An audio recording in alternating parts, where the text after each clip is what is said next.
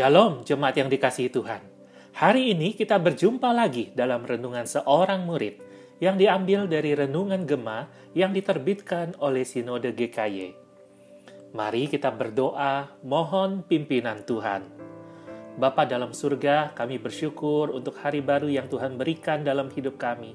Hari ini kami ingin mendekat lagi kepadamu, ingin menikmati lagi perjumpaan dengan Tuhan yang mengubahkan kehidupan kami, yang memberikan kami semangat, yang memberikan kami tuntunan, sehingga hidup kami hari ini menjadi hidup yang bermakna, jadi hidup yang berguna, jadi hidup yang berdampak bagi sesama.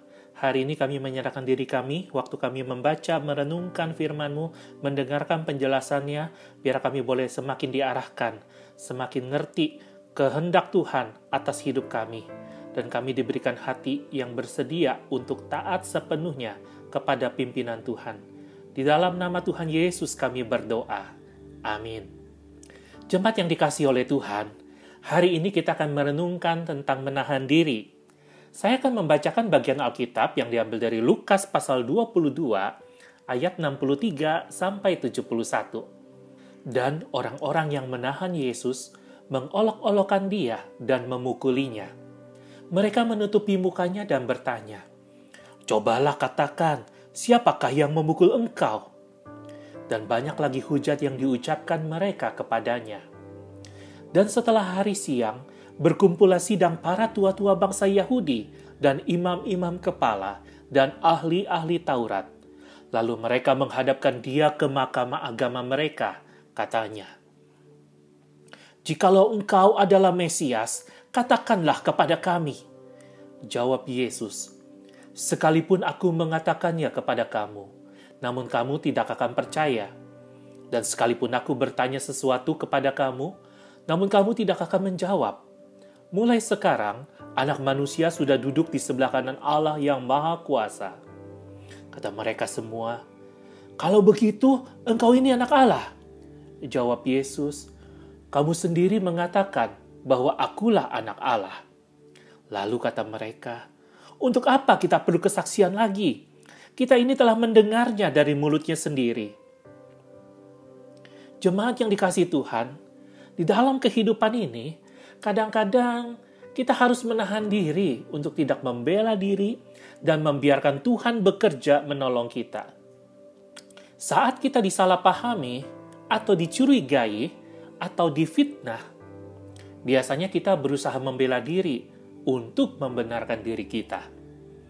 Akan tetapi, kadang-kadang sikap yang terbaik adalah menahan diri untuk diam serta menanti Tuhan membela dan membenarkan diri kita. Tuhan Yesus juga mengalami perlakuan yang tidak adil, jahat, bahkan keji dari orang-orang yang memusuhi dirinya. Bukankah ia ditangkap pada waktu malam secara diam-diam? Untuk menghindari keributan dari orang banyak yang senang mendengar pengajarannya. Orang-orang yang menahan dia mengolok-olok dan memukuli dia. Tapi Tuhan Yesus menerima semua perlakuan jahat itu tanpa melawan. Bukan karena ia tidak mampu menghindar ataupun membalas, tetapi karena ia menyadari bahwa penderitaan itu adalah bagian dari misi dan karya keselamatan yang sedang ia kerjakan bagi umat manusia. Mengapa orang-orang itu dapat berbuat sedemikian keji? Padahal Tuhan Yesus tidak pernah melakukan kejahatan apa pun yang merugikan diri mereka. Mereka berbuat seperti itu karena pada dasarnya manusia berdosa merupakan seteru atau musuh Tuhan. Kita menjadi musuh Tuhan karena dosa telah menguasai diri kita. Tanpa pengorbanan Tuhan Yesus, kita tidak mungkin dapat berdamai dengan Bapa di sorga. Tuhan Yesus menerima semua perlakuan yang tidak adil untuk mendamaikan kita. Oleh karena itu, bila kita menerima perlakuan yang tidak adil dan kita datang kepada Tuhan Yesus, Dia bisa memahami pergumulan kita dan memberi penghiburan kepada kita, karena Ia pun pernah mengalami perlakuan buruk dan tidak adil di dalam hidupnya sebagai manusia. Jemaat yang dikasih Tuhan, dalam kehidupan ini kita tidak bisa bebas dari perlakuan buruk dan ketidakadilan. Dosa membuat manusia bisa berbuat jahat tanpa alasan. Perlakuan buruk bisa datang dari rekan sekerja ataupun mungkin dari atasan kita Kita bisa difitnah oleh orang yang tidak suka ataupun iri terhadap diri kita. Kita bisa dijebak atau dicelakai oleh orang lain. Bagaimana sikap Anda saat menghadapi perlakuan buruk seperti itu? Apakah Anda melawan dan membalas perlakuan buruk dan tidak adil itu dengan perlakuan yang sama buruknya? Atau sebaliknya, Anda membawa masalah itu dalam doa dan memohon agar Tuhan membela dan membenarkan diri Anda. Hari ini, kita belajar untuk menahan diri waktu diperlakukan dengan tidak baik dan tidak adil. Dengan cara yang pertama, kita bisa datang dalam doa kepada Tuhan yang memahami pergumulan kita. Waktu kita menyerahkan pergumulan kita ke dalam tangannya, waktu kita angkat tangan, Tuhan akan turun tangan. Yang kedua, menanti pertolongan Tuhan agar kebenarannya saja yang memerdekakan kita Jangan kita membalas kejahatan dengan kejahatan. Jangan membalas perlakuan yang buruk dengan perlakuan yang sama buruknya, atau bahkan dengan perlakuan yang lebih buruk. Izinkan Tuhan menyatakan kebenarannya. Izinkan Tuhan membela kita. Kalau engkau dan saya tidak didapati ada dalam keadaan yang bersalah, Tuhan pasti akan membela kita. Dia pasti akan menyatakan kebenarannya pada waktu yang tepat sekalipun kita masih harus menghadapi kesulitan dan pergumulan akibat perlakuan tidak baik itu. Tuhan tidak tinggal diam. Gusti ora sare. Tuhan tidak tidur. Tuhan melihat apa yang terjadi. Seperti waktu ia mengalaminya, ia menahan diri. Tidak membalas kejahatan dengan kejahatan. Kiranya Tuhan juga menguatkan kita, sehingga kita boleh menanti pertolongan Tuhan dan membiarkan kekuatannya yang menguatkan kita. Yang ketiga, mari kita tetap mengasihi mereka yang berbuat tidak baik dan tidak adil kepada kita. Kita mohonkan kepada Tuhan, Tuhan tambahin kasih kami kepada mereka.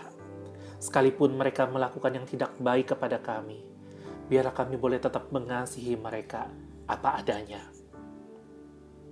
Bukankah demikian kasih Tuhan? kepada orang-orang yang menghujatnya. Di atas kayu salib itu, Tuhan Yesus berkata, Ya Bapa, ampunilah mereka, sekalipun mereka tidak tahu apa yang mereka perbuat. Bukan hanya pengampunan, tapi itu juga menyatakan kasihnya kepada mereka yang telah berbuat tidak baik dan tidak adil kepadanya.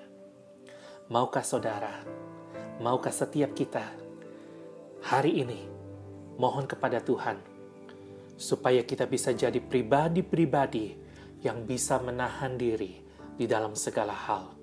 Terlebih ketika kita diperlakukan tidak baik oleh orang-orang yang ada di sekitar kita. Mari kita berdoa. Tuhan, Engkau tahu pergumulan kami. Engkau tahu kesulitan kami. Tuhan juga tahu ketika kami mungkin disalah mengerti, disalah pahami, diperlakukan tidak baik oleh orang-orang yang ada di sekitar kami. Mungkin itu oleh anggota keluarga kami, mungkin itu oleh rekan sekerja kami, mungkin itu oleh pimpinan kami. Hari ini kami berserah sama Tuhan. Biarlah Engkau yang menolong kami. Waktu kami menghadapi keadaan yang demikian, kami tidak menyerah. Kami tidak mencari jalan pintas ataupun kami tidak berusaha membalas dengan cara yang mereka inginkan.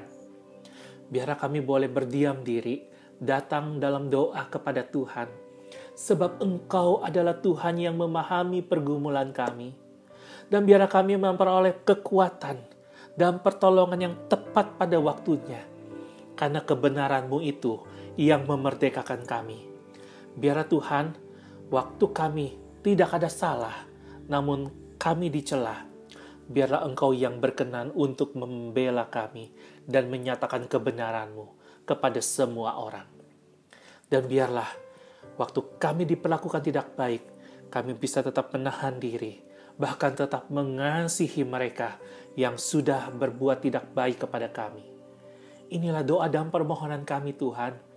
Tuhan tahu dalam banyak hal kami maunya membalas mereka sesuai dengan yang mereka perbuat kepada kami. Ampuni kami Tuhan untuk sikap hati yang demikian. Biarlah hari ini kami boleh merendahkan diri lagi di hadapan Tuhan. Mohon kekuatanmu saja, bukan kekuatan kami. Mohon kesanggupan dari Tuhan saja, bukan berdasarkan kesanggupan kami. Terima kasih ya Tuhan, seperti Engkau menahan diri pada waktu Engkau disiksa dan dianiaya. Biar kami juga boleh belajar teladan yang sama waktu kami diperlakukan tidak baik oleh orang-orang yang ada di sekitar kami. Tuhan yang menguatkan kami, Tuhan yang menolong kami, Tuhan yang akan memampukan kami untuk melewati masa-masa sulit ini. Di dalam nama Tuhan Yesus, kami berdoa. Amin. Tetap semangat menjalani hari ini. Tuhan Yesus menyertai.